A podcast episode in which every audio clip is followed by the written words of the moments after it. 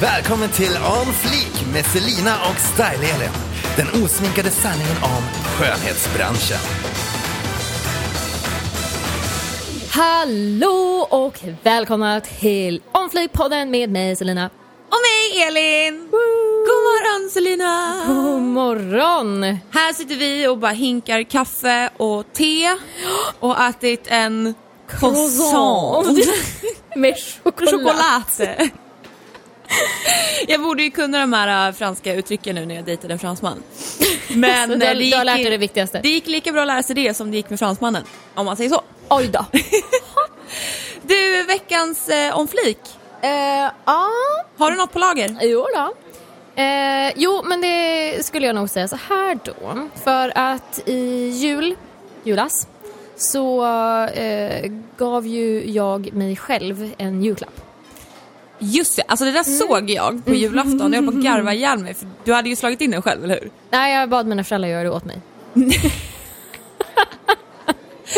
Och sen la du ut någonting på Instagram och bara surprise, oh my god. I'm so happy for new camera. Ah, nej, utan jag, jag köpte en ny vloggkamera. Eh, den här Canon Legria X Mini.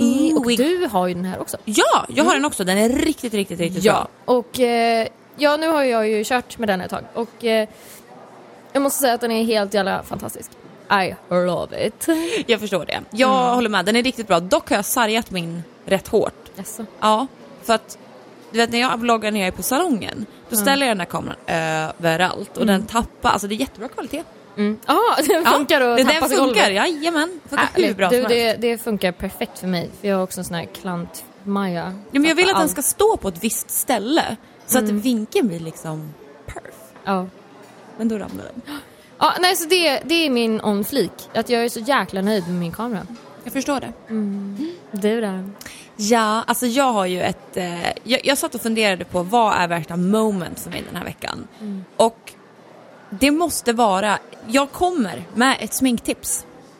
Ja, eller med ett produkttips. För att jag, testat, jag har testat jättemånga setting spray. Du vet vad en setting spray är va? Mm. Så att sminket håller sig på plats som man sprayar då när man är klar med sminket. Och jag har hittat en favorit. Och det är från Urban Decay. Ooh. Jag tror den heter setting spray bara. Men ett hett tips där ute för att när man är på salongen och det är varmt, man står och fönar allting, alltså sminket bara rinner ju av en. Och vi- jobbar ju ändå ganska fysiskt båda två liksom. Ehm, så att jag kände bara att det får bli min flik. Urban Decays setting spray. Åh, Jag tror den finns att köpa på Kicks. Eller på nätet. bra tips där. Ja, den är riktigt bra.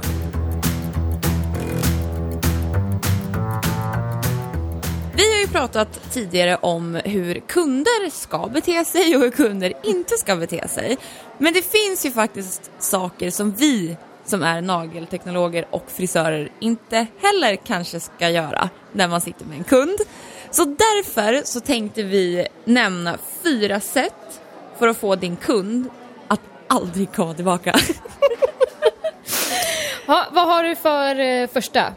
Ja, det jag tror och det av erfarenhet från kunder så är det när du har färgat en kunds hår och den sitter i färg och fått kaffe och allting och sen så går frisören på lunch. Alltså vi snackar gå ut på restaurang på lunch. Alltså när man ser frisören ta Jack tar på sig jackan, tar med sig plånboken, springer ut i salongen, jag är tillbaka sen. Ja. Medan kunden då sitter i stolen och ser det här i spegeln. Att Ja. frisören sticker ut Och där på lunch. sitter man med färg i håret och Ja. känner sig allmänt awkward. Och du har ju ingen aning. Och då så här av automatik så frågar ju kunden kanske en kollega eller någon annan som står där. Bara, hur länge ska jag sitta? och då självklart vet ju inte kollegan det. Och det måste, det måste vara det värsta. Jag tror inte att man kommer tillbaka som kund om själva frisören drar. Nej, det, det, det känns ju Skulle lite... du göra det? Nej, det känns väl lite som att jag kanske skulle dra mig någon annanstans. Ja. vad, vad, hur gör man hos dig? Ja, nummer två då. Ta av dig handskarna mitt under behandlingen och be lite snabbt om ursäkt för din nyfunna vän vårtan på din tumme som nu rör sig i smidiga rörelser över din kunds hand. Ew! Ja. Men alltså, kan man... Alltså det är väl så extremt smittsamt? Ja, med vårtor? jo, det är väl ganska smittsamt skulle vi säga. Eller? Ja, det är inte trevligt att ha någons vårta smekandes över handleden, höll jag på att säga. Men då började funderar jag på så här, skulle jag sticka på en gång då? När jag såg den här vårtan? Eller? För du nämner ju ändå att du har den här vårtan på din hand. Ja, jag skulle ha stuckit. På en gång. Jag hade bra. snott lacket och stuckit. Nummer tre. Nummer tre. Ja, det här är ju så hemskt. Jag tror att en kund inte vill komma tillbaka om man pratar så här extremt högljutt, alltså inför hela salongen, när då frisören av i chock upptäcker att kunden har mjäll eller typ konstiga saker i, i hårbotten. För jag vet, jag tror, alltså det här är så hemskt men jag tror själv att jag har gjort det här. Alltså om jag har typ sett någonting i hårbotten, speciellt om jag har upptäckt löss, då har jag bara "Ah!" och bara det kryper i din hårbotten! Och då har du vet alla kollegor bara vänt sig om och ja, alltså det är inte så smidigt. Nej. Det är verkligen inte det. Nej. Så jag tror att prata väldigt högljutt om även privata och personliga saker, Ja, jo, såklart. det är ju inte jättekul. Nej. Nummer fyra! Nummer fyra. Du har precis blivit inspirerad utav New York Fashion Week och känner att du vill testa en ny design på en kund som ber dig göra vad du vill, så att säga.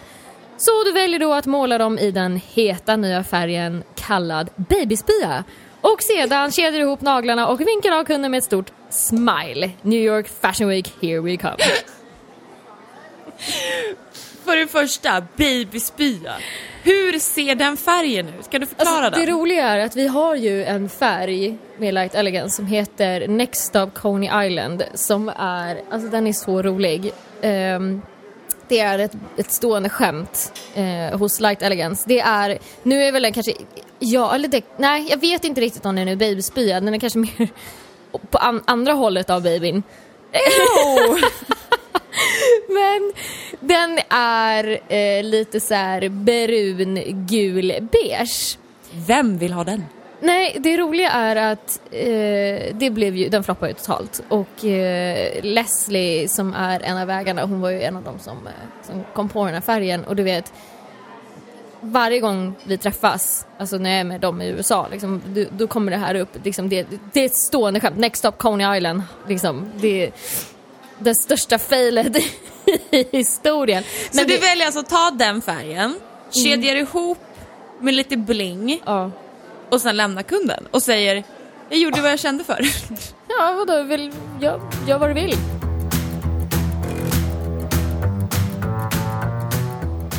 Nu hörni, så har vi kommit till ett ämne som jag tror många eh, kan relatera till och eh, det är ju då drama på salongen. Ja.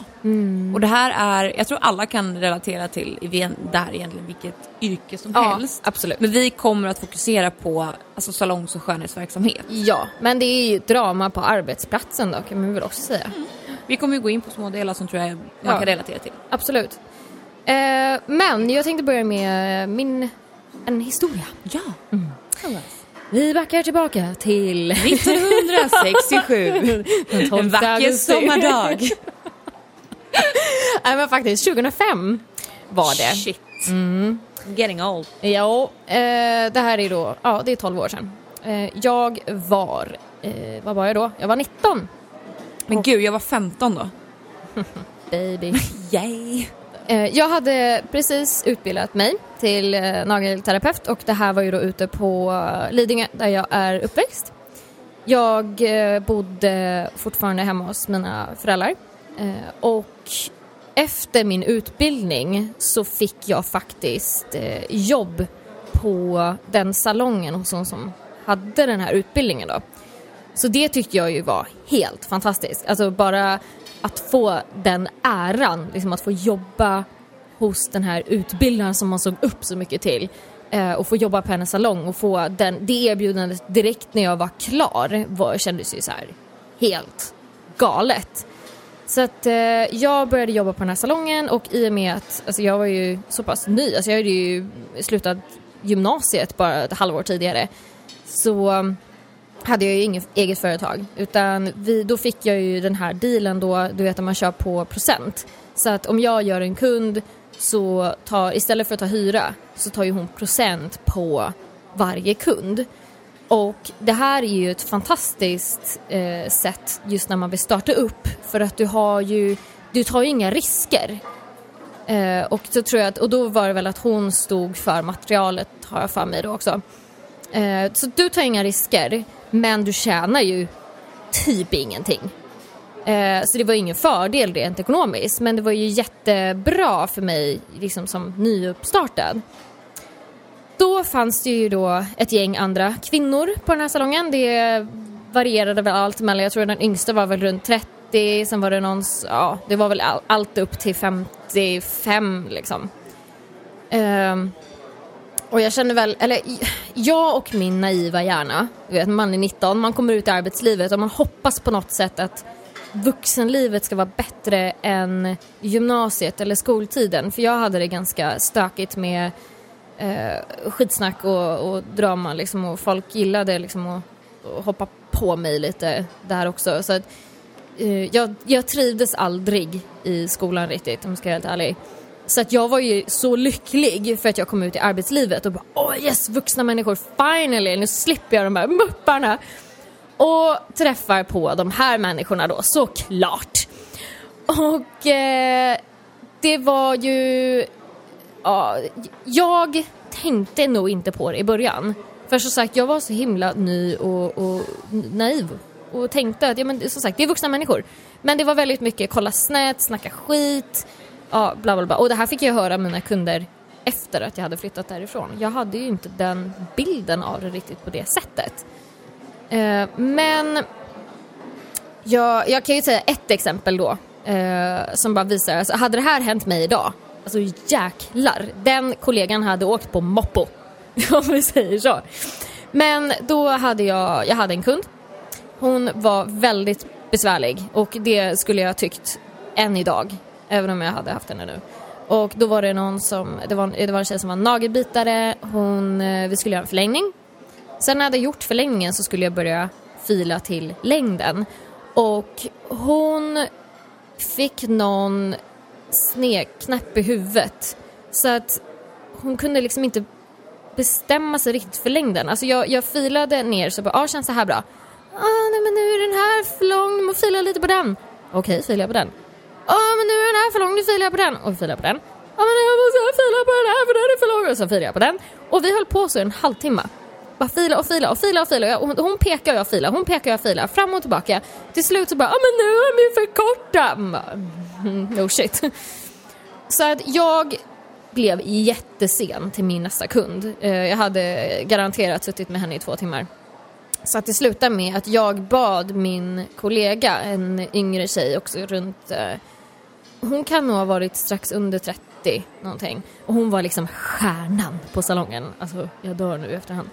Eh, och eh, så jag bad henne bara snälla, snälla kan du hjälpa mig att avsluta den här kunden? Jag ska bara lägga sista glansen och bla bla. Ja, så hon hjälpte mig med det medan jag började med min nästa. Eh, jättesnällt tycker jag. Men det hon gjorde var ju då eftersom att den här kunden var ju jättemissnöjd för att hon hade inte fått den längden och bla bla bla. Eh, då slutade det med att min kollega släppte iväg henne utan att behöva betala någonting. Så att då hade jag suttit där alltså i två timmar medan hon hade på riktigt varit den, den mäckiga och inte betalat ett öre. Men det var ju ett beslut av min kollega. Det var inte, någon, det var inte ett beslut jag fick ta. Så hon går iväg och jag liksom, som sagt, 19-åring bara, jaha okej, det, ja, jag har inte så mycket att säga till om.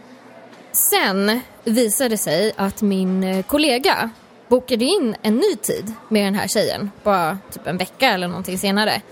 Eh, gjorde om hennes naglar, fick betalt såklart och fick dessutom en massa dricks av den här kunden.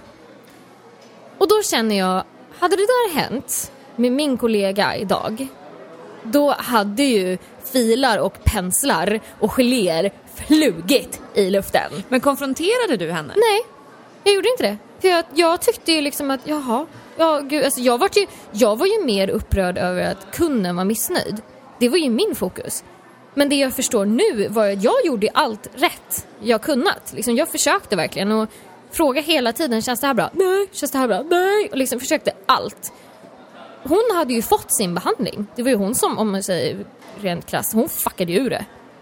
Jag gjorde ju det jag skulle göra. Och sen så kommer min kollega och bara skickar iväg henne utan att betala, utan att ens fråga mig. Ja men alltså förstår du? Så att det var, det var mycket sånt. Man märkte att de Alltså det var, ju, det var ju en avundsjuka för att de tyckte att ja vadå ska den där lilla snärtan komma in och få värsta förmånerna att hon ska få jobba på procent istället för att hyra in, eller hyra in sig. Och då är det så här, men ni är väl ändå så pass vuxna att ni fattar att jag tjänar ju inga pengar på det här. Jag gick ju plus minus noll. Det var ju det jag gjorde. Eh, men ändå, bara för att då tyckte de att då var jag prioriterad. Då var jag teachers pet. Liksom. Fast jag tjänar ju mindre än dem. Alltså det är ju så bisarrt. Men sen tror jag också att när man är på en arbetsplats där så tror jag att folk inte vet riktigt Ja. här, hur mycket man får. För jag har varit på salonger där folk har fått olika typer av hyror. Ja. För antingen för att salongsägaren eller chefen eller vad det nu än är har varit så här ja, men för svag. Och inte bara det här gäller för alla och så är det liksom. Så jag, jag, ibland så kan jag känna så här, ibland vet nog folk inte riktigt. De trodde säkert att du bara, ja, men du tjänade hur mycket pengar som helst och bara fick gå där och lalla liksom. Och, men så var ju verkligen inte fallet. Nej. Men oavsett vart så ska man ju inte agera efter vad man tror. Ja. Nej, absolut inte. Nej, så det slutade ju med att jag kände att nej men här, jag, jag kan inte sitta kvar här. Jag, eh, jag kom inte överens med salongsägaren. Det kändes bara jättejobbigt och jättefel. Eh, det var som sagt väldigt mycket drama, väldigt mycket att de liksom körde över mig och utnyttjade mig bara för att jag var ung och som sagt naiv. Jag visste ju inte hur branschen fungerade. Jag visste inte vad som var liksom vett och etikett på en salong mellan kunder och eh, kollegor. Utan jag åkte ju bara med och fick ju säkert ta den ena och den andra smällen liksom varje vecka. Men som jag inte tänkte på. Så till slut så kände jag bara, nej nu pallar inte jag det här. Så att jag eh, sa upp mig och då var det ju en tre månaders uppsägningsperiod. Eh, jag började berätta för mina kunder, och då, då måste jag, det här måste jag poängtera, då var jag egen, för jag blev det sen. Så att jag hyrde in, jag var min egen. De kunderna jag satt och gjorde var ju mina, för att jag är egen. Det är, alltså, är du anställd, då är det salongens kunder. Är jag egen, då är det mina kunder. Det är så jag anser. Så att eh, jag, trots det, så satt jag ändå med mina kunder och bara, ja men jag har bestämt att jag ska sluta. Eh, till nästa gång så vill du att, att vi bokar in en tid, jag kan boka in det på någon av mina kollegor här. Eh, men jag kan ju inte säga så här, jag kommer aldrig, du kommer aldrig få komma till mig igen. Utan de var ju så här, men kan du inte höra av dig eh, när du vet vart du ska sitta? För jag visste inte det då, jag visste ingenting. Så att då, det blev ju det här att, ja, vill, vill du att jag bokar in dig på en av mina kollegor eller vill du att jag hör av mig? Alla sa, nej men det är såklart, du hör av dig när du vet. Eh, och då sitter ju då mina kollegor med stora öron och lyssnar bakåt och tar det här då som att, eh, nej men då sitter jag och snor och snackar skit om, eller snor salongen och snackar skit om salongen. Så att då gick ju mina kollegor, jag kommer framförallt en, och snackade med eh, salongschefen. Eh, och bara, ah, Selina hon gör det här och hon, ska, hon försöker sno alla kunder och hon gör liksom. Och jag bara, men Ja, helt jävla stört. Eh, så det slutar med att jag får ett samtal av salongsägaren. Alltså, ha i åtanke, jag är alltså, ja då är jag väl 20. Jag har liksom ett år tidigare slutat gymnasiet liksom. Eller ja, vad det blir. Eh, då sitter hon i telefon med mig, skäller ut mig efter noter. En halvtimme sitter hon och skriker på mig hur vidrig jag är som människa, att jag aldrig kommer lyckas i livet och att, ja men du vet, det ena med det tredje och jag fick så mycket, alltså Alltså mycket förolämpningar så att jag, jag, jag tror jag bara stängde ute det liksom. Och då sa jag det bara, du vet du vad, jag kommer inte sitta kvar min period ut. Jag, liksom, hon bara, nej jag tror det är bra så att du får gå nu. Jag bara, fine, det passar mig perfekt. Så att eh, då ville hon ha listan på mina kunder. Att jag skulle ta, för hon ville, kom, liksom, kom in till salongen nu och hämta dina grejer. Jag bara, absolut. Men då skulle jag ha med mig listan på mina kunder så att hon skulle då kunna kontakta dem. Så att precis innan jag åkte så skickade, eller så ringde jag upp alla. Och bara, ah, nu är det så här, jag, kommer, jag slutar nu. Eh, men jag har bestämt nu att jag- jag ska sitta här och här. Så att om du vill så får du hemskt gärna följa med mig. Och alla var så här, woho, jättebra liksom.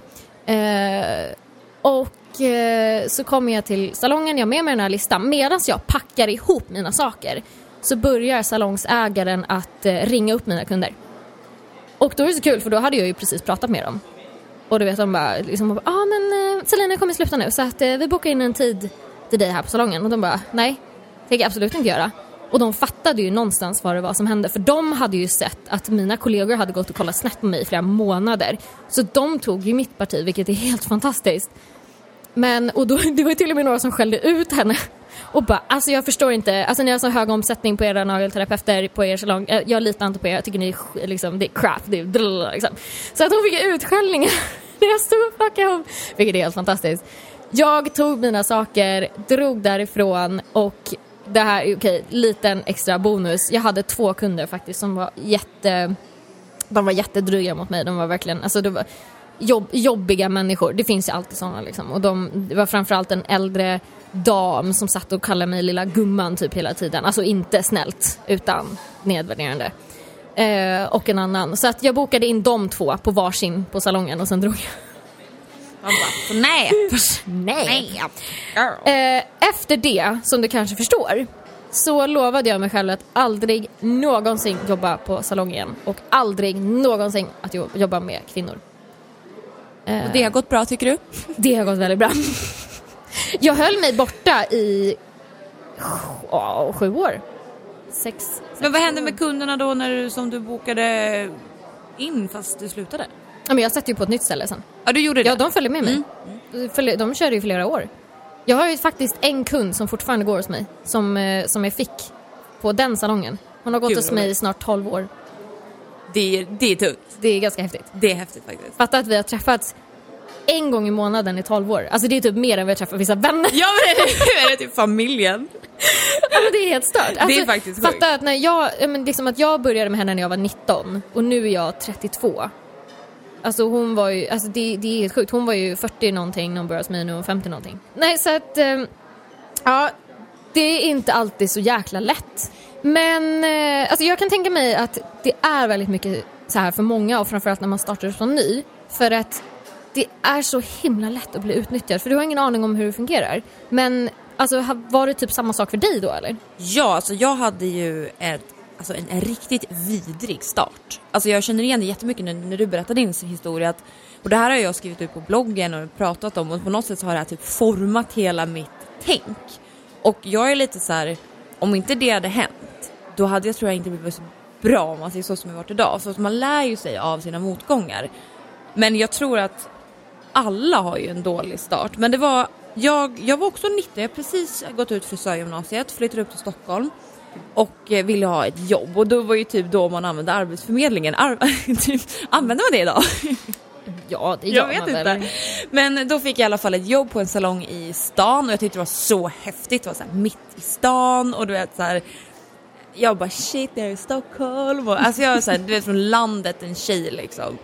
Jag tyckte det var jättehäftigt att komma till Stockholm och jag var så glad att jag fått ett jobb överhuvudtaget och så, ja men det, det var, jag, det, alltså jag var så glad verkligen. Och då när jag började på den salongen, alltså jag var alltså då 19 och jag hade inte tagit mitt eh, gesällbrev än, det hade jag inte gjort.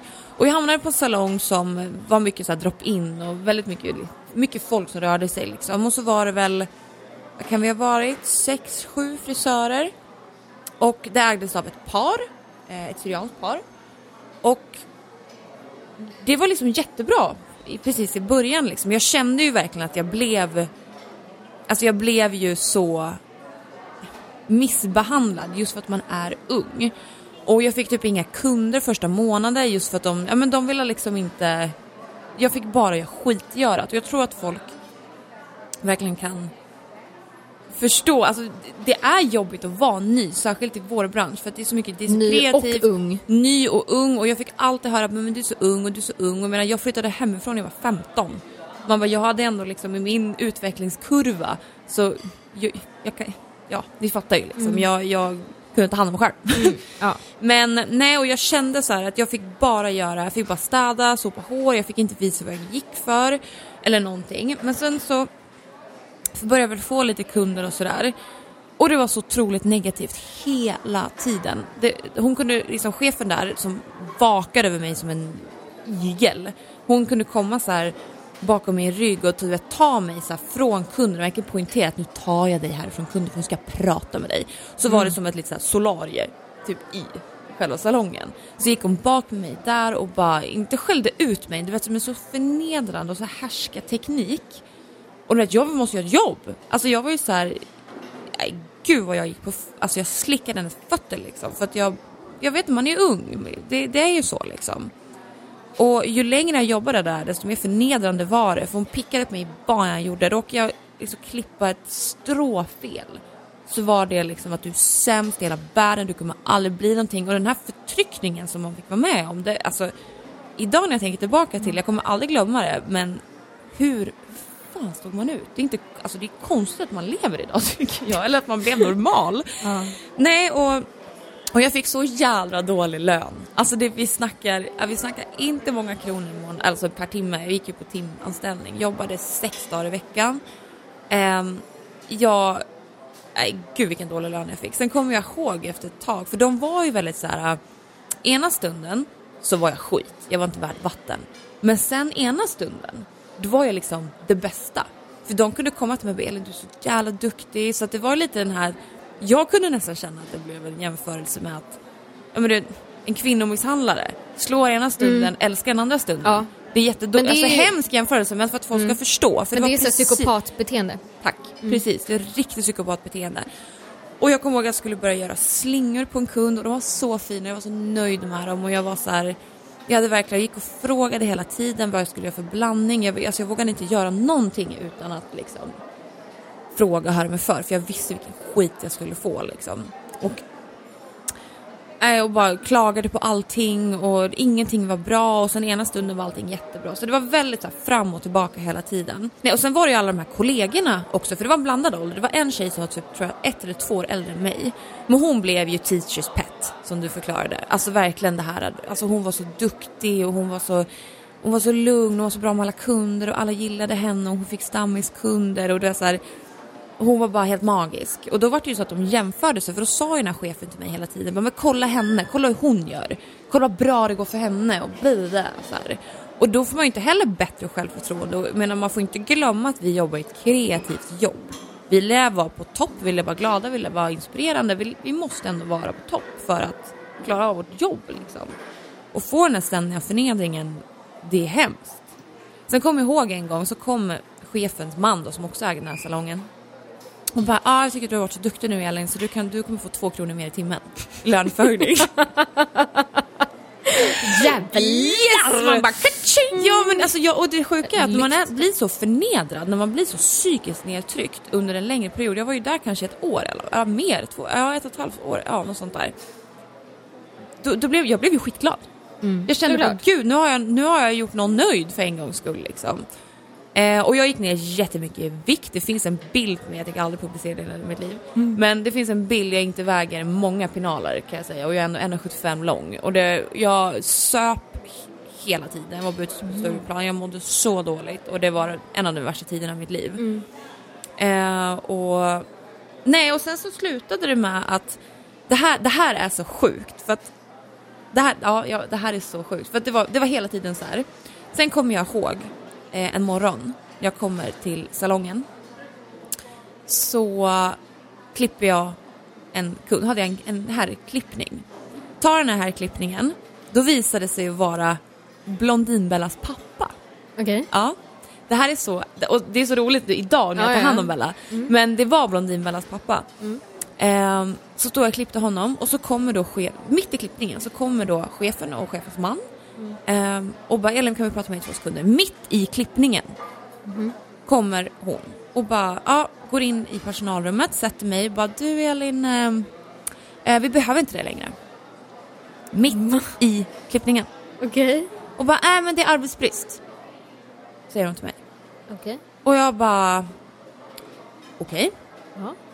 Och sa det verkligen på, jag kommer inte ihåg allt, men verkligen så nedvärderande och hemskt verkligen. Att så här, ja, men det, du, du kan inte vara kvar här liksom. Jag började störtböla.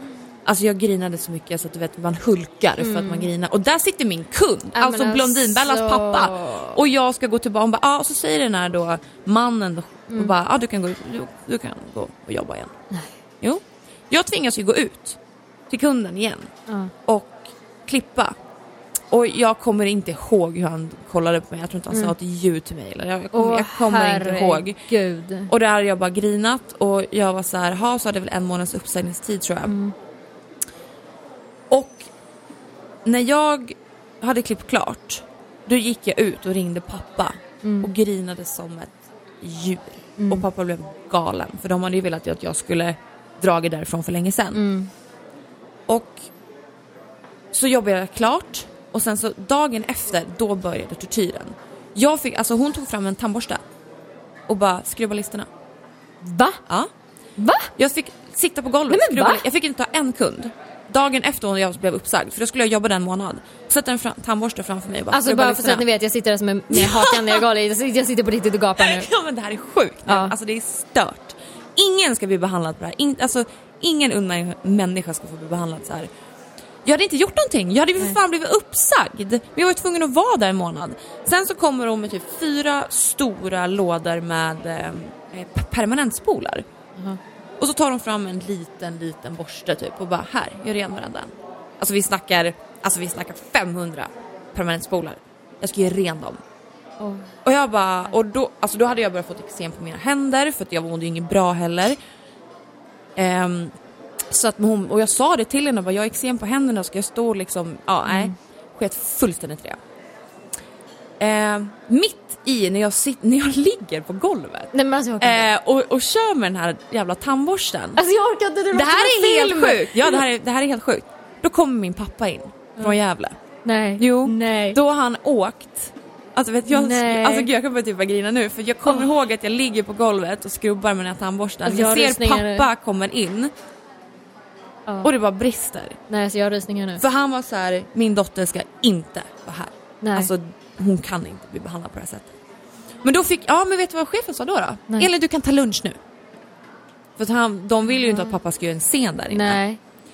Nej. Eh, och jag, eh, pappa och vi går ut och käkar lunch och vi pratar och pappa vi, vi, du måste komma härifrån men jag hade en månads uppsägningstid så då kontaktade vi facket. Eh, men de kunde ju inte göra så mycket, du måste ju vara där liksom. Eh, så det var ju, ja. Men sen så, Men bara Mm. inflygande fråga. Kan man inte bara vara där och skita i att jobba? jo, men det handlar ju typ om pengar, de kan ju typ stämma, jag kommer inte ihåg vad det var men det Ah, var okej. svårt. Okej. Men sen träffade jag, sen åkte ju pappa hem, ja, jag var ju tvungen att gå tillbaka och jobba liksom. Mm. Ehm, och det fortsatte sådär, sen dag tre så ringde jag den här tjejen, den här kvinnan på facket. Och bara jag kan inte vara här en minut till. För då var det också något sånt där att jag fick ehm, göra re- jo jag fick typ skrubba solarien, alltså du vet jag fick göra något riktigt, riktigt tortyr, alltså liknande jobb. Och då eh, gick och går jag på lunch och grinar som en idiot. Eh, och ringer den här tjejen på facket och pappa och bara jag kan inte vara kvar här. Det går inte. Jag berättar precis för jag hade inte sagt riktigt till henne hur jag hade blivit behandlad. För jag skämdes liksom.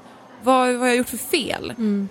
Ehm, men då säger hon till facket, hon bara nej Elin, ehm, gå in där, säg inte ett ord. Du säger inte ett ord. Du går in, tar dina saker, så går du därifrån. Så kontaktar du mig sen. Oh my god. Och det var en, alltså den här förtryckta tortyren i ett, ett och ett halvt år. Du, det, du, alltså den kom som en sköld, alltså det bara sköljde över mig på något om, om någon typ av lättnad. Och jag kommer ihåg det här så väl. För att jag går in, tar mina saker och då säger chefen, vad ska du någonstans? Och jag bara, jag drar. Hon bara, det kan du inte göra. Och bara gaggar med mig. Och jag säger ingenting, tar mina saker, går därifrån. Och då skriker hon till mig, jag vill ändå inte ha dig, du dum i huvudet, du är äcklig. Alltså, du vet sånt. Hon skriker efter mig eh, och jag drar. Ringer då hon på facket och pappa och så att nu har jag dragit. Så jag kommer ihåg att jag bara går. Jag, alltså jag vet inte, jag bara går typ. Jag hamnade i någon slags bubbla typ.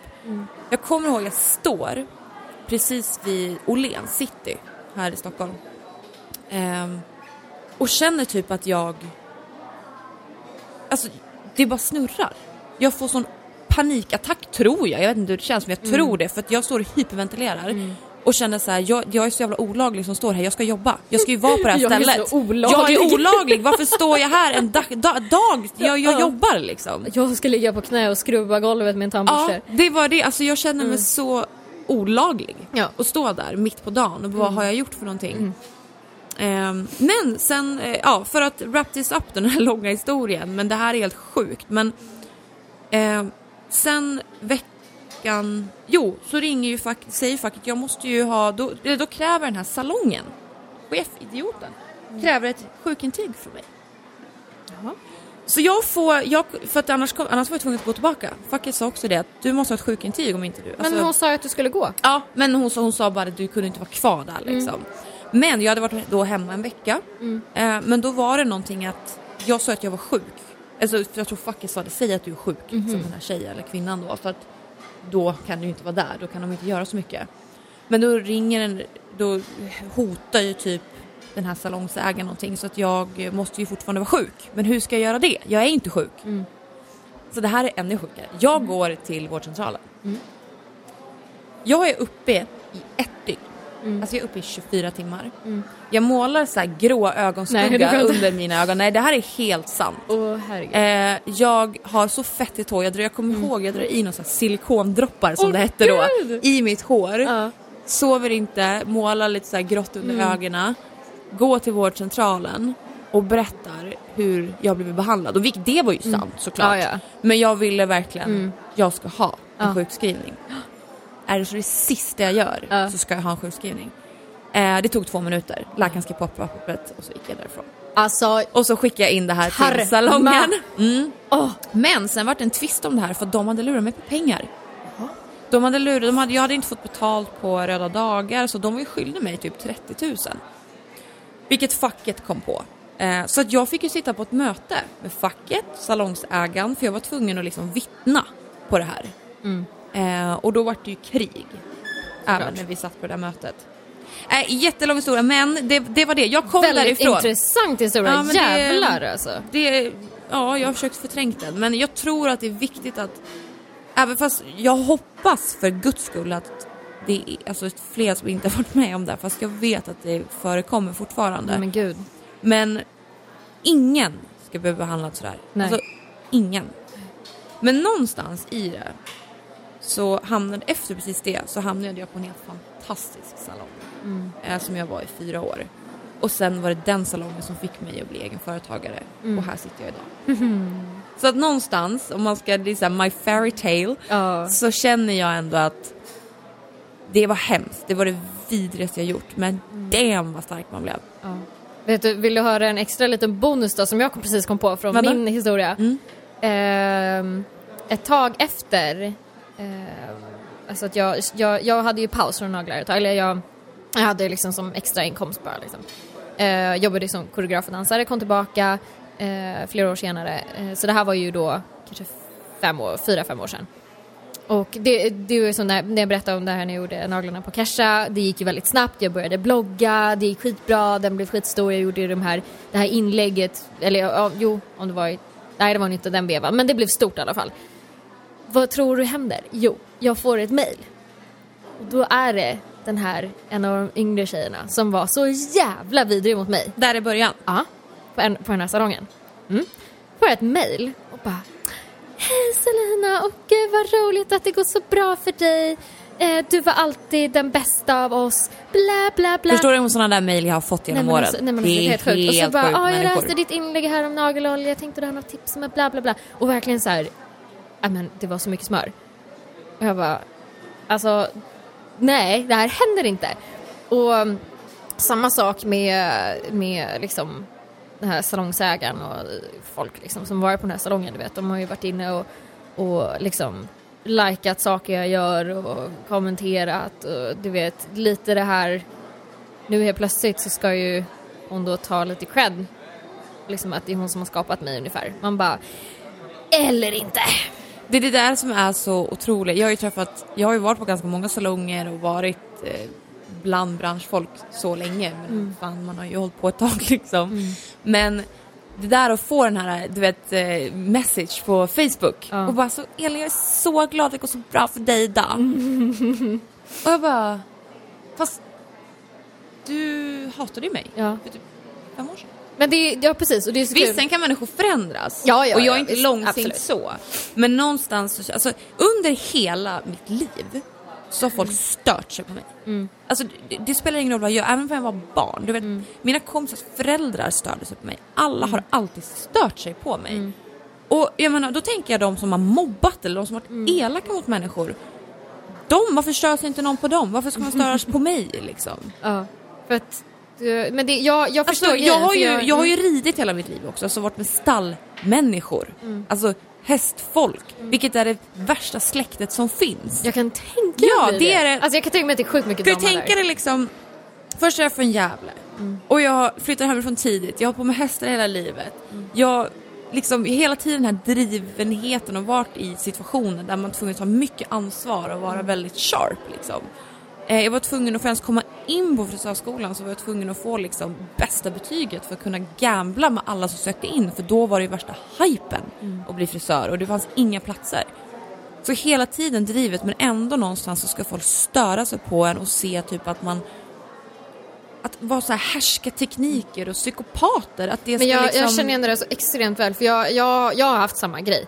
Jag har alltid Men känns som varit... att du och jag är lite lika Ja, på det sättet. För jag har alltid, alltså ända sedan jag, jag kan komma ihåg på dagis, liksom hur det var tjejer som gaddade ihop sig och liksom Verkligen, alltså jag har haft det här hela livet och det, som jag sa, alltså jag, jag, jag, jag har inte tyckt att skolan var kul för att av någon anledning så har folk stört sig på mig. Jag känner igen det så himla väl. Det spelar ingen roll vad jag gjorde. Mm. Jag kommer ihåg typ i mellanstadiet, när man, du vet när man börjar få mens. Mhm. Det var samma sak där. Då var det typ så här, det var typ jag och någon tjej till som fick det först tror jag.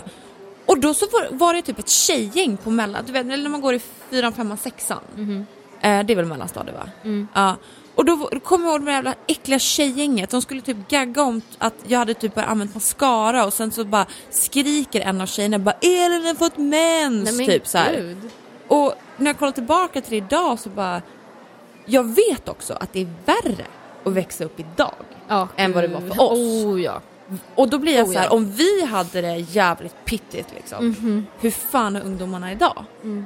Eller blir de jag, jag, jag vet inte, jag, det är därför jag typ inte vill skaffa barn för jag vill inte få mina barn in i den här världen. Liksom. ja. Det är läskigt, det är faktiskt ganska Det läskigt. är jätteläskigt. Det är sociala medier och allting. Det är ju väldigt jobbigt att det händer sådana här saker på salongen och att vi har ju varit på ganska många olika salonger också Mm. genom åren. Ehm, men det finns också väldigt många faktorer varför det blir så här. Ja. Och Drama på salongen. ja, varför det blir drama Mm. på salong liksom. Ehm, och det första som slår mig det är ju det här praktiska. Städning, plocka Mm. Ja, undan, absolut. skölja skålar, torka bord, Mm. allt som har med städning att göra. För jag är en på en salong som vi är riktigt grymma allihopa men ändå på något vänster så blir det så här Får man ett, vi har en sån här sluten Facebookgrupp som vi lägger ut saker på vår salong så bara vi kan se. Och då är det så här nu ligger en handduk framme, vem ser det? Att det blir så pekpinnen och så kommer kanske två stycken och bara men hallå, sån där salong ska vi inte vara liksom. Ta undan handduken. Men det där är så roligt för jag, jag satt ju förut på en, eh, en frisörsalong och jag satt ju själv och gjorde naglar. Vilket var på något sätt också ett steg att komma tillbaka från det som hade hänt. Att jag, jag behövde inte ha konkurrenter i samma lokal utan det är ju kollegor då liksom. Så det känns som att det var lite lättare. Men jag kommer ihåg bara, du vet, på våra salongsmöten och det var, du vet, jag satt ju och sov. För att det var bara snack om det här med "Ja, schamponeringen, det ligger en massa färger där och ni måste städa efter er och det lullu. Och det var, du vet, det var samma sak varenda gång jag var Fast egentligen tycker inte jag att, jag har aldrig brytt mig så jättemycket i det där men om man tänker efter så handlar det ju om att alla har olika personligheter, alla har olika personlighetsdrag. Verkligen. För att om man kollar på folk man har varit hemma hos genom åren, det är ju inte, alltså om man tänker varannan person har det städat hemma, Mm. varannan person tar undan disken, varannan person dammsuger liksom. För, och då är det ju inte konstigt att det förs över på en Mm. kraschar, salong liksom. Ja. där man spenderar typ 8-10 timmar per dag. Mm. Och det här med personlighetsdrag är ju någonting som är jätteintressant. För vi jobbar ju ändå i en bransch där vi måste vara lite psykologer och Verkligen. förstå och sen, varandra. Faktiskt det här med personlighetsdrag, alltså jag tror ju att på något sätt att det blir mer, kanske mer drama på sådana här, eh, såna här sammanhang just för att i skönhetsbranschen så är det väldigt kreativa människor. Det är liksom, och kreativitet... Kan de båda bara skratta liksom? Ja, det leder ju till det ena och det andra. Mycket viljor. Ja. Och många inom skönhetsbranschen är så här, de vet vad de vill, de är bra, vi blir ändå så här curlade att du ska stå på dig, du ska tro på dig själv och så helt plötsligt så ska du liksom rätta dig lite efter andra. Och sen är ju vissa människor också väldigt eh, mer, har lite mer temperament Ja. än andra. Och det är lite som vi har pratat om innan också det här med att jag tror du och jag är lika lika där att när du kommer in någonstans där folk är jättehögljudda och det ska ta mycket plats att både du och jag blir lite så här, man backar. Men så är ju inte jag egentligen, jag är ju värsta pitbullen egentligen och bara nej det här är inte okej. Eh, men i sådana sammanhang då blir jag typ mute. Ja, Då sitter jag bara och kollar ja, typ. Nej det är samma för mig för att det är ju så här. Eh, det är precis som du kollar på Big Brother. Du slänger in en grupp människor i en lokal, man säger ett rum. Och eh, då, det blir ju automatiskt, alltså det ingår ju i våra DNA att vi tar oss an olika roller. Och eh, jag är absolut väldigt social och utåtriktad och pratar gärna och, och glad och sprallig sådär. Men kommer det in någon som tar väldigt mycket plats, låter väldigt mycket, är liksom personlighet liksom ut i alla hörn och överallt. Då jäklar, då backar jag. Alltså jag blir som en sköldpadda. Jag bara, så bara drar in mig själv och bara, jag stannar här. Så att så fort det kommer in någon ny där jag jobbar som jag märker har en sån personlighet, då blir jag en helt annan människa och jag backar. Och jag kan vara så i flera månader tills att jag lär mig att förstå den här människan och då kan jag komma tillbaka och bli mig själv igen. Men det kan ta alltså, lång tid för mig. För att då kan jag känna lite att jag, blir näst, jag är nästan lite autistisk i det. Liksom på det sättet. Att det blir för mycket. Jag, jag backar då och verkligen så här, nej min, min hjärna klarar inte av det. Det Vilket har är jag lärt mig i senare, så för, för några år sedan och så här förr, då kunde jag vara med på typ, inte skitsnack, men jag, jag kunde liksom vara med på typ alla plan. För det fanns ju alltid typ två tjejer som alltid eh, gick ut efter jobbet. Och de ville man ju hänga med fast man inte, ja sådär. Och så var det någon som kanske hade barn och var mer, det, det finns lite olika typer av gäng, även fast det kanske är två personer bara. Det finns alltid någon som någon bara alltid vill prata med. Men jag var väldigt så här, skulle hänga med typ alla, var alla till lag. Så jag ville att alla skulle tycka om mig för att inte hamna i någon konflikt. Men med senare år har jag blivit så här, då har jag bestämt mig för, för mig själv, att okej, den här personen är på det här sättet. Jag tycker inte om den här personen. Men nu är jag på en arbetsplats och får egentligen bara suck it up. Men un, un, under det att det får ju inte bli fel. Det får ju inte vara något kränkande eller jag menar, är det taskigt beteende, det är klart man måste påpeka det. Men inte gå på och hela tiden störa sig på. För det är när man stör sig på saker och ting, håller det inne, det är då det blir, blir konflikter. Mm. Gud, och det är det då där- det blir fel. Det där har jag varit med om. Att eh, eh, på ett jobb att det var så mycket som du säger att, att alla höll det inne. Att det var liksom, folk gick runt och fotade typ vad man inte hade städat undan och det tisslades och tasslades och liksom till slut så bara exploderade det och blev en jävla atombomb. Och det blev liksom, du vet, det var typ krismötenivå. Men så fort alla bara fick säga liksom, ja men jag vill ha det så här och jag tycker vi gör så här. Sen testade vi på typ fem olika, minst, varianter på städschema och allting.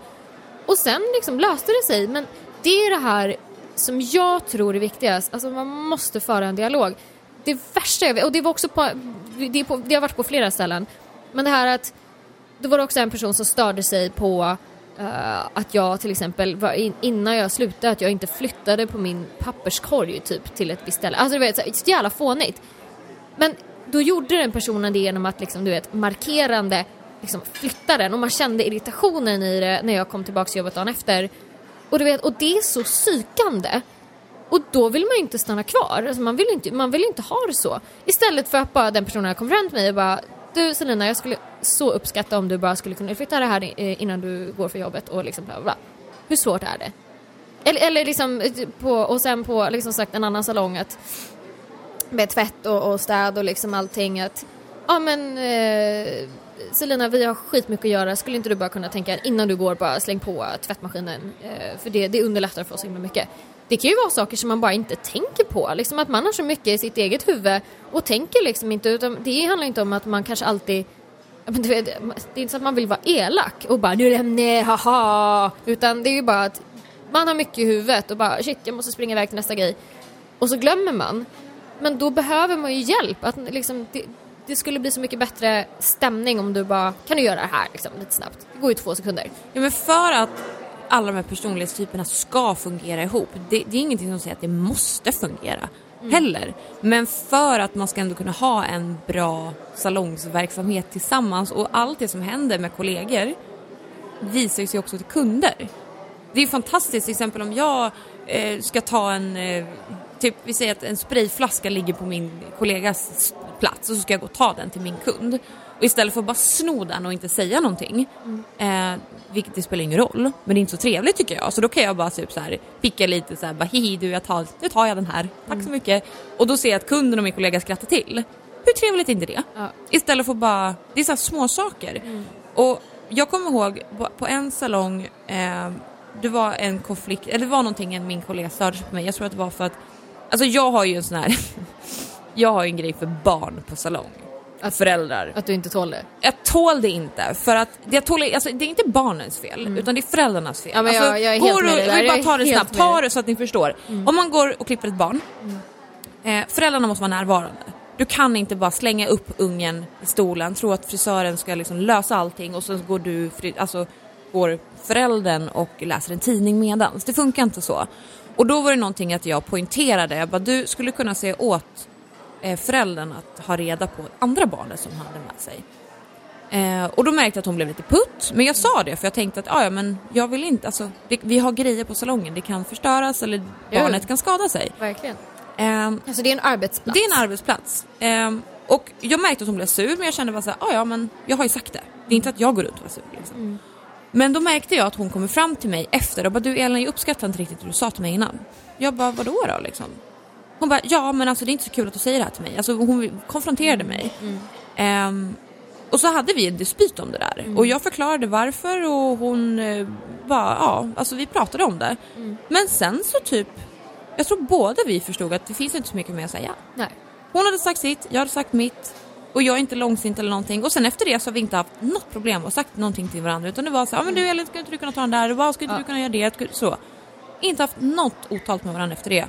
Eh, och inget sur och inget tjafs liksom. För det är inte så att jag gick till någon annan kollega och sa att vi hade bråkat. Nej. Eller att hon gick till en kollega och sagt att jag bråkade med Elin. Nej, för precis. Det, alltså, det är där problemet ligger. Mm. Att man bara, gud hon sa så här till mig. Mm. Men om man cut that, om man mm. liksom cut the crap, tar det med personen, så är det klart sen.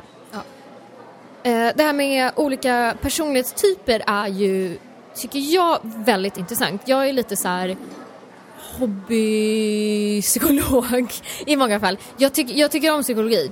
Eh, och det här med som sagt olika personlighetstyper. Jag älskar marknadsföring på det sättet liksom att jag analyserar folks beteenden och vad de likar och vad de inte likar och liksom allt sånt där. Eh, så vi hade faktiskt en jättebra eh, föreläsning på, på salongen där jag jobbar nu. Eh, och då var det salongsägaren Linda då som tog in en eh, live coach, föreläsare grej.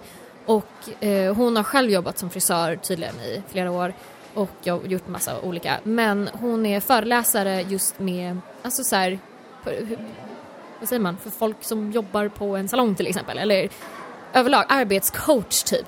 Och då tog hon upp det här med olika personlighetstyper och då finns det någonting, man delar in folk i fyra olika kategorier.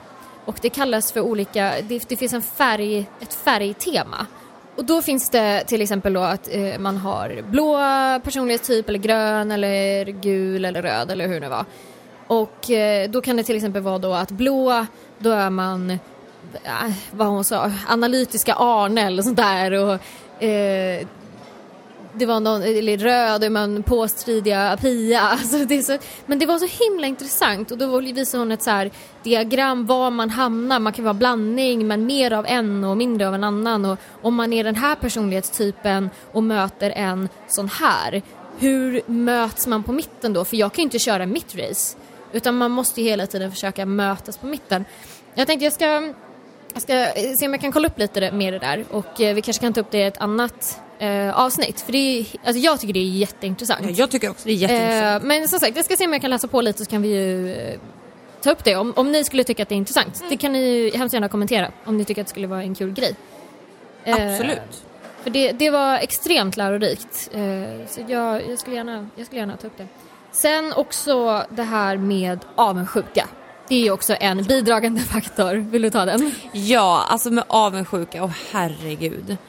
Det här, är, det här är ju ett så stort typ, segment i sig, Ja. att det här med avundsjuka. Och det, kan är ju som temat som jag berättade där, min första salong. Just att det började väldigt mycket avundsjuka. Ja, men det och jag vet inte om det finns någon slags grej i alla människor att så fort någon verkar kanske bättre än dig eller något sånt att det, det ska vara så mycket hat kring det här. För jag har ju varit med om jätte, jättemycket avundsjuka kring kollegor typ jämt. Förutom typ på den här salongen som jag är på idag. Ehm, men alltid varit som vi har pratat om i andra avsnitt att så här, vem tror hon att hon är? Ja, Det, klassiker. det är en klassiker och jag, jag hela tiden så här, så där. Och det var, jag kommer ihåg på en salong, då var det så här, ja men det var, jag, det var precis i början när jag liksom började lägga ut före efter bilder och bara nu jädrar ska jag bli bäst liksom. Jag var fan vad bra jag ska bli. Försökte i alla fall. men eh, då var det en tjej som ungefär var i samma skede som mig. Eh, och det där var i samband med att jag, Damernas Värld, hämtade, hänt, jag kan inte prata, headhuntade mig. Eh, så att jag kom in där och började min hårblogg. Jag började ta före och efterbild, gick väldigt fort. Och den här tjejen då, hon klarade inte av det. Alltså hon klarade inte av det. Hon frös ut mig totalt. Eh, hon eh, gick och typ sneglade på hela tiden när jag stod och så färgade hår. Typ som att nästan för att få kunden att bli obekväm med att jag står och färgar. Eller hon eh, slog in saker i så här kassan som var så fel för bara för att vara så jävlig. Liksom. Eh, och jag har alltid varit så här att ja, men om det är någonting, kom fram och fråga mig. Bara, Melin, du, du gör ju så bra slingor. Kan inte du typ hur, gör du? Kan inte du bara visa mig? För det är kul att lära sig. Jag hade bara, ja men självklart. Alltså, ja, verkligen. Och så har man en snack om det där. Eller så var det en kollega som var såhär, ah, jag tycker att eh, alltså, du är två, två helt olika människor när du är här och när du är på salongen. Alltså, du vet, de, de, de som är avundsjuka trycker ju på allt. Allt de kan komma åt trycker de på. Och det, är så, det verkar vara så svårt för människor att säga så här. Gud vad glad jag är för din skull. Jag är så glad att du har lyckats, att du verkligen är duktig. Ja. Jag tror jag aldrig har hört det. Ja, Från det kollegor sjukt. i sig. Jag, kom, jag kommer ihåg faktiskt ehm, nu med eh, Alexandra Kissy när hon hade fått, eh, hon hade börjat få lite mer jobb på radio och sånt där. Och jag kunde verkligen känna, alltså från min själ, jag bara, alltså jag är så glad för hennes skull så jag vet inte vad jag ska ta vägen. För Jag kommer ihåg att du sa det till mig. Ja, för att jag kände så här, radio är så jäkla kul och jag bara jag känner inte, jag känner, det är klart att man, nej, jag ska inte säga att jag, nej inte avundsjuka utan det är mer så här, oh shit, tänk att få göra det. Men det var inte avundsjuka utan mer så här, jag förstod situationen liksom för henne att jäklar vad kul! Fan vad glad jag är för hennes skull. Jag Visst själv- känns det mycket bättre? Ja. Det är väl självklart att jag har varit avundsjuk jag också på Ja. människor. Men man kan vända Alltså- det som på det sättet då istället för att det här negativa, alltså på något sätt kanske man kan vända det som, det finns negativ avundsjuka och det finns positiv avundsjuka. Som i mitt fall så var det så här. Alltså shit vad kul! Jag önskar att jag kunde få göra det här men jag är så jävla glad för din skull att du får göra det. Men istället för att då Alltså fan att hon får göra det, fan jag, jag, jag hade varit mycket bättre liksom. Där, alltså, du vet, en Men det är ju grej. samma sak om man bara vänder på det och typ så här, ja ah, men vi säger att typ eh, ens ex har träffat en tjej Mm. som är faktiskt snyggare än vad du är. Ja, men det är väl självklart att man ska hitta 18 000 fel eller så, alltså det är samma sak, vi funkar ju så som människor. Ja. Eller bara så köper du en dyrare jacka i mig, då blir jag så här, äh, den var inte så snygg egentligen. Fast jag är så jävla avundsjuk. Det, det, vi funkar ju så. Eh, I allt vi gör. Men i vår bransch, alltså jag tycker det i alla fall, för att allt jag gör blir så otroligt personligt. För jag kommer ihåg när jag började lägga ut före och efterbilder och folk, folk började bara så här, skulle hitta fel bara hela jävla tiden. Och, och skriver typ, ah men du gör ju det här, men du gör inte alls det där. Det, det, det, det. Och det, jag, jag blir ju så ledsen för att det är så, här, det är så personligt. Och lika när kollegor säger bara "Ah, någonting. Och bara, men det är mitt jobb. Jag har stått med mina bara händer själv och gjort det liksom. Och då, då tar det liksom extra hårt. Jag... Så sagt, jag hade min dust där i början. Sen höll jag ju mig borta och jag tror, för jag känner väl nu också att jag får liksom inte riktigt ta del av skitsnack på salongen för att folk känner av ganska snabbt att jag är inte mottaglig för det. För jag vill inte ha det runt mig och jag kommer ihåg att det var det första jag sa till eh, Linda, salongsägaren där jag jobbar nu. Jag bara, jag, jag har två krav. Ett, jag måste få ta med mig Martin när jag vill. och han ska få springa runt hur mycket han vill. Han är ju extremt lugn, han är ju fantastisk Han är riktigt bra. Eh, men han ska kunna få röra sig fritt i salongen. Eh, och det, för sidospår, men det har funkat så jäkla bra. Jag är så himla glad att det funkar så fint med honom och kollegorna, liksom alla mina kollegor, de älskar honom och de är fantastiska med honom så det känns bara underbart. Men nummer två, det var att jag vill inte ha någonting med drama att göra. Inte ett skvatt. Sen har vi haft lite otur eh, och det är personer som, eh, flera som inte jobbar klar, eh, kvar längre. Men så det har ju varit duster men i de här omgångarna så har jag på något sätt blivit lite skonad av det här. Alltså jag, det är klart att det har snackats från de här människorna då som inte jobbar kvar. Um, på grund av avundsjuka säkert och massa olika. Men jag har liksom, jag har på något sätt fått hållas utanför det där för att de märk, jag har ju märkt ibland att folk har försökt och bara, du vet, de tar lite pulsen på en och bara ser liksom om de kan komma igenom och jag är så här, mm, ja, mm, ja jag ska gå och jobba nu. för jag är inte intresserad. Så jag tror att om man bara har den inställningen, att man är inte intresserad av drama, då, då håller man sig utanför också. Ja men för det är ju som vi har pratat om tidigare också att jag menar, hat bygger hat.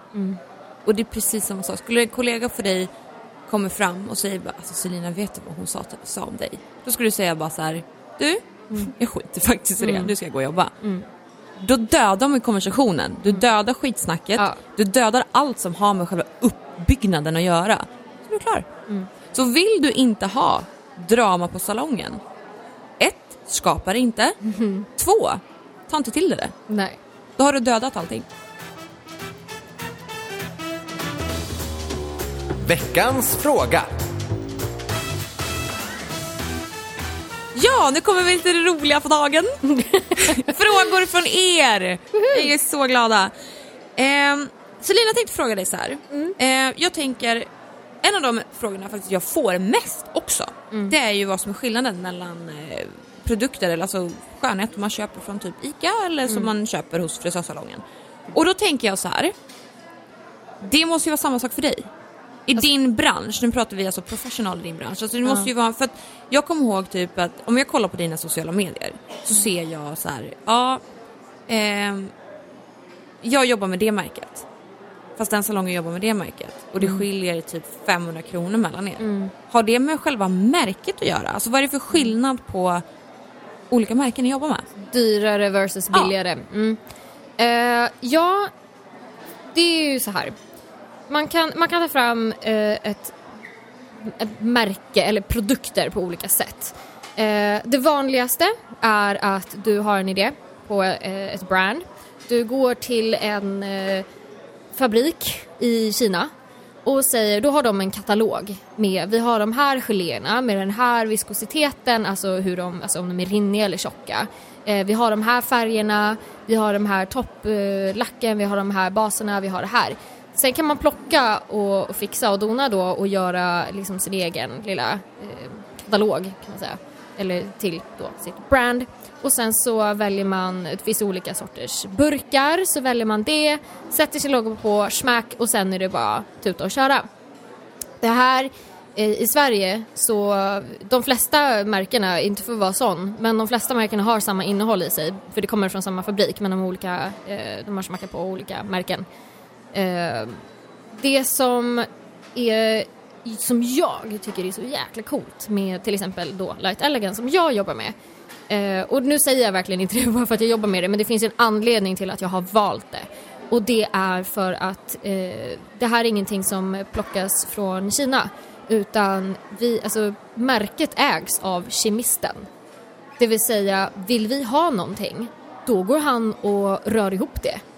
Eh, och det gör ju också, jag menar det här är hans bebis. Så att han då i sin tur, eh, det är ju Jim och Leslie McConnell som äger Light Elegance. Eh, Leslie är eh, en före detta nagelterapeut, jag tror att hon är före detta frisör till och med också. Och eh, hon träffade Jim, de gifte sig och han var, eller är, men han var kemist. Och då sa han, men kan inte du bara göra lite gelé till mig? För, liksom, ja, för att, jag kommer inte ihåg exakt varför, men han började göra det här. Och det blev bara större och större. Det som är så fantastiskt med Ellie i är ju då att det här är ju Jims och Leslies bebis.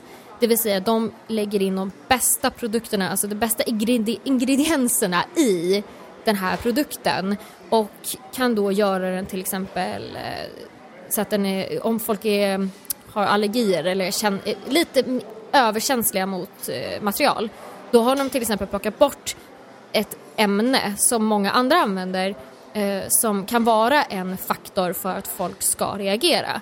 Så att då kanske LE är lite dyrare men det är ju högre kvalitet och det ligger ju enormt mycket känsla alltså, och kärlek bakom det. Sen har ju de då McConnell Labs. Det är ju då en, en vad ska man säga, ja, där, där gör de geléer till andra märken helt enkelt.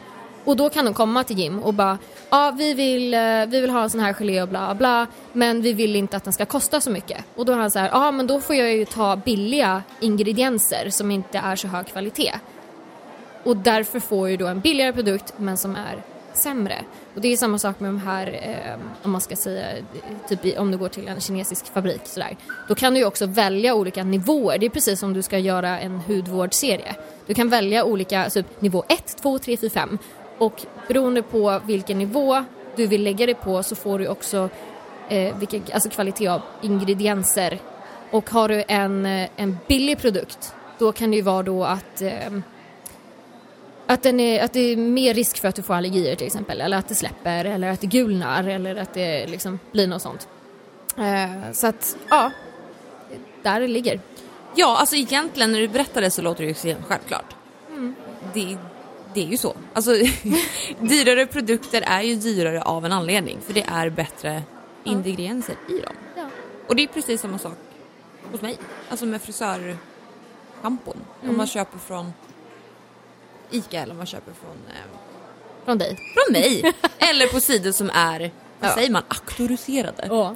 Eh, nej men jag, jag gjorde en stor eh, serie på min blogg för ett tag sedan. Jag skulle kunna länka den så ni kan få läsa ja. båda de eh, mm. inläggen. För det har varit ja, ursäkta, ett jävla liv. Ja men säga. gud, den måste du länka till. För att, eh, och jag ska poängtera det också att det var, jag har, alltså jag har inte fått så mycket hotmail från företag i oh hela mitt liv. Vi kan prata om det i ett annat avsnitt om ni vill. Mm. För det är helt otroligt för ja. företag. För det är inte bara privatpersoner Nej. som fuckar ur helt enkelt. Oh, det måste, även det företag. måste vi prata om. Det ska vi göra. Men jag, jag vill ta upp eh, hur, vad är skillnaden? Och sen är det så här, nu ska jag poängtera, jag, så jag gjorde även inlägget, jag är ingen kemist, jag har inte gått in på det här till alltså, största djupet, men generellt så att man ska lätt kunna förstå. Och då gjorde jag en jämförelse eh, på bloggen, så jag kommer läsa upp den nu, eh, men jag, vi länkar båda inläggen så kan ni läsa allt liksom.